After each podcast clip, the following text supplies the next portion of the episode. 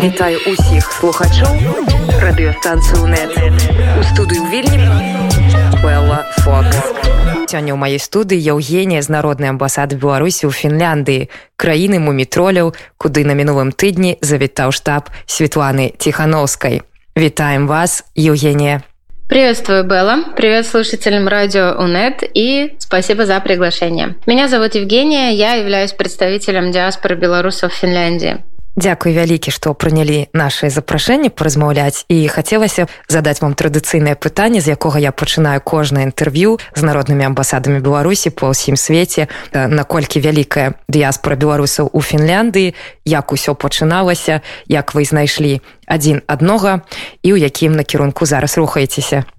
А, наша диаспора начала объединяться прошлым летом. Мы познакомились в июле на акции в Хельсинки за честные выборы в Беларуси. А затем а, мы проводили экзит-пол совместно с диаспорой Дании. Дело в том, что белорусы Дании обслуживаются в посольстве Финляндии. Мы думали, что после экзит-пола, после постоянных смен дежурства мы сможем отоспаться и отдохнуть. Но когда в последний последний день голосования, самый главный. Мы ждали протокол голосования от посольства, а, читали жуткие новости из Беларуси. Мы тогда понимали, что наше знакомство будет развиваться. Мы просто так не разойдемся и не забудем друг о друге. Мы понимали, что мы будем продолжать работать над поддержкой белорусов вместе. А, август и сентябрь прошли в хаосе постоянно жуткие новости из Беларуси, много новых знакомств, новые задачи, и казалось, что нужно делать все быстро и обязательно делать абсолютно все.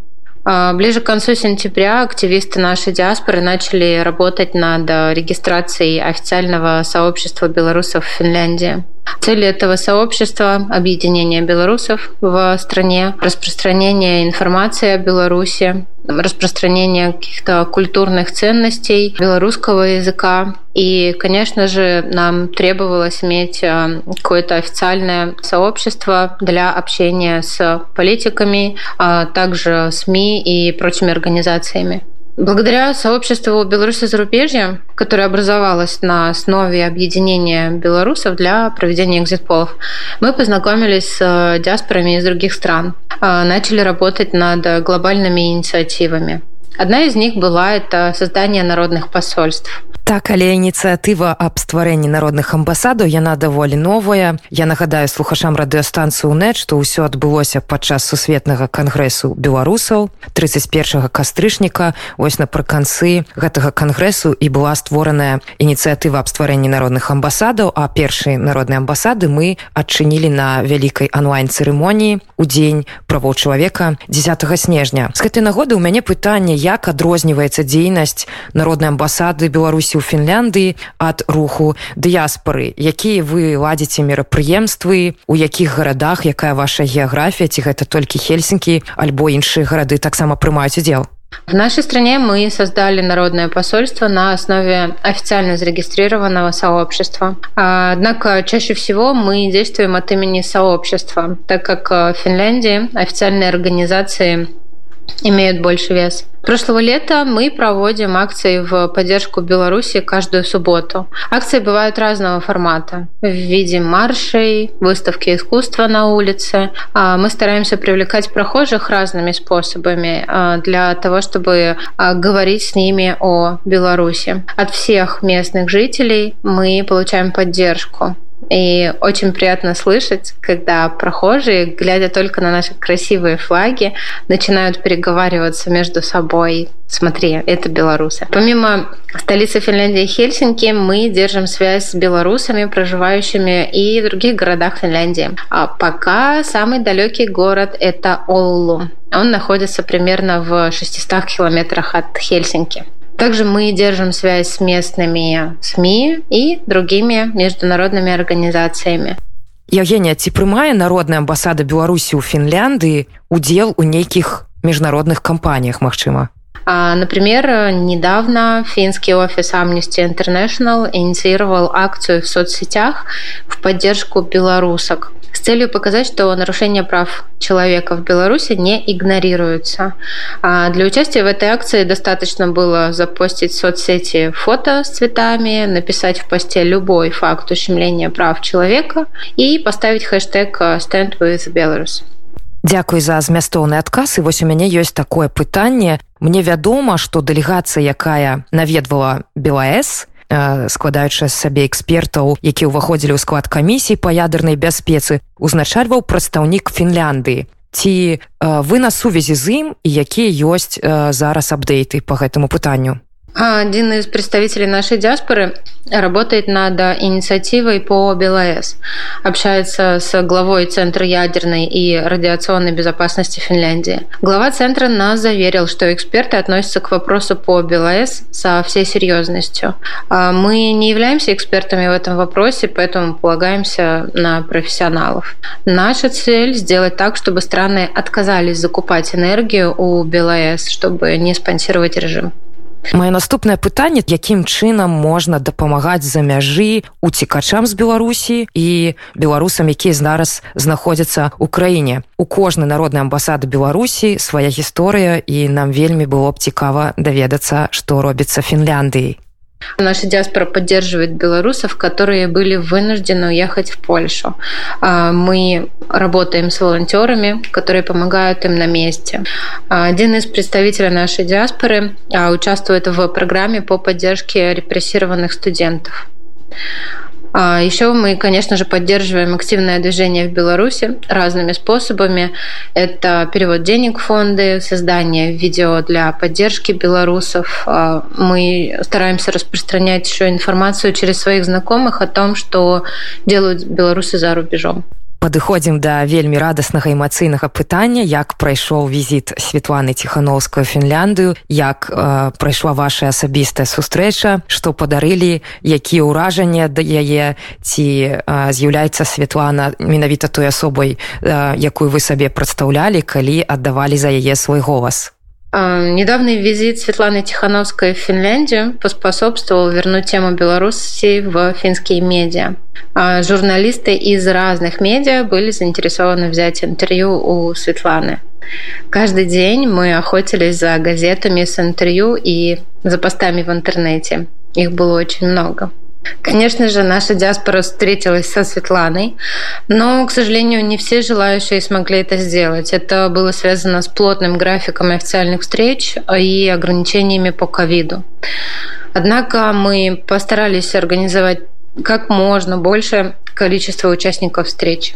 На встрече нашей диаспоры со Светланой мы подарили ей семью плюшевых э, мумитролей. А, там был папа, мама, мальчик и девочка.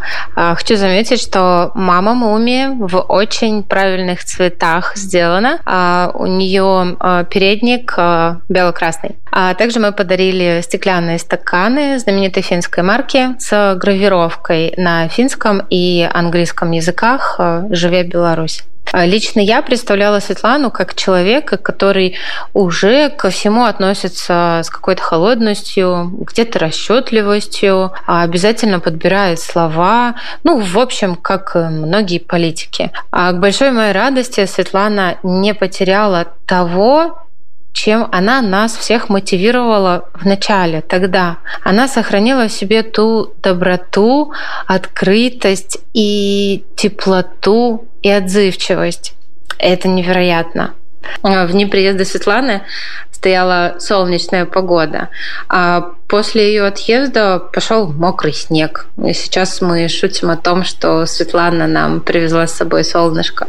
Евгения, калі мы размаўляем пра парушэнні правоў чалавека на Беларусі, якія выпадкі вас найбольш уразілі? Я разумею, што падчас выхада нашага інтэрв'ю працягваюць здзяйсняцца розныя кшталты гвалту ў дачыненні да мірных пратэстоўцаў мірных грамадзян беларусі. Але калі вы азіраецеся назад магчыма вы узгадваеце нейкія непасрэдныя выпадкі На данный момент я вспоминаю очень яркое событие на площади перемен в Минске, когда силовики окружили площадь, когда их было очень много, а потом они ходили по квартирам, выламывали двери а, и обыскивали квартиры.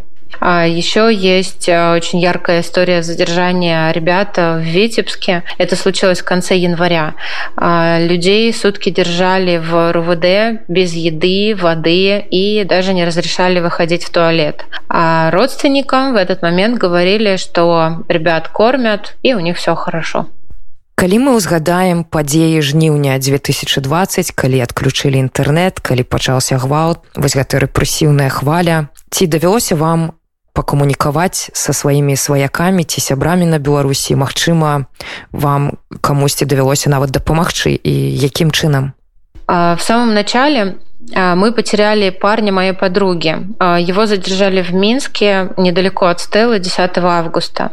А, я помогала его искать, так как у меня был доступ без VPN к всем информационным источникам, типа правозащитного центра весны. Я могла звонить со скайпа. Мы его нашли только через два дня. Он оказался в Жодино, отделался лишь э, онемевшими мизинцами после стяжек. А после этого э, я решила помогать удаленно родственникам пропавших. Э, я брала у родственников персональные данные пропавшего и звонила во все инстанции. Звонила в РУВД, ИВС, суды, а также морально поддерживала родственников, потому что я понимала, что они находятся в потерянном состоянии, они не понимают, что делать, и я пыталась их поддерживать. Как-то это было очень тяжело. А я смогла так поработать только неделю, а морально я очень сильно выгорела после этого. А был такой момент, что я никак не могла найти одного человека,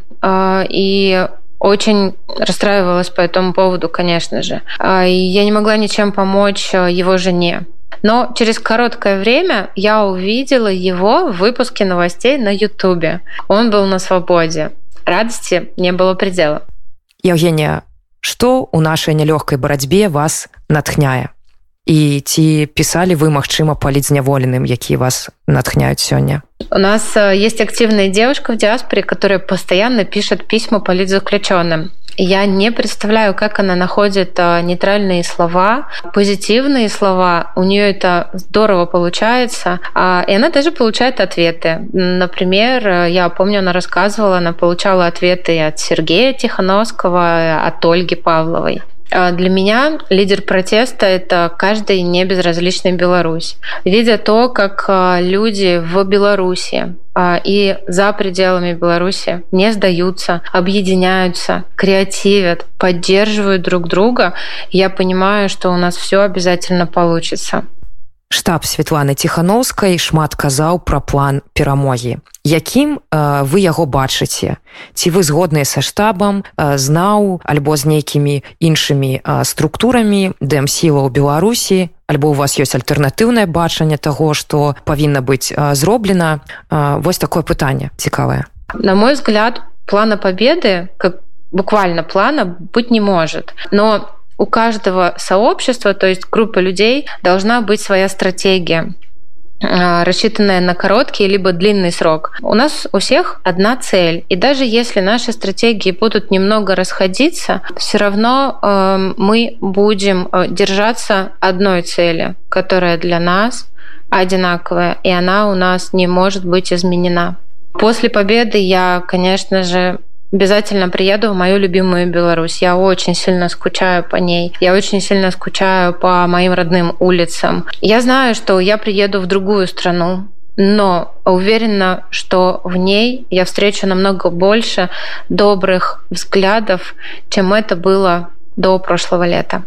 Евгения мы па часе плаўна рухаемся до 25 сакавіка і канешне з гэтай нагоды не магу не запытаць пра тое які ёсць план на дзень волі по святкаванню у народнай амбасады беларусі і ў беларускай дыяспоры у фінляндыі На День воли наша диаспора хотела бы сделать что-то единое с другими диаспорами э, по миру, чтобы снова показать наше единение. Мы еще не начали готовиться, но обязательно отметим этот дзень Евгения дзякуй вам вялікі за шчырую размову. Я нагадаю слухачам радыёстанцыі нет што сёння ў маёй студыі была Евгения прадстаўніца народнай амбасады беларусі у фінляндыі. Спасибо за приглашение было евгения жыве Беларусь. Жыве вечна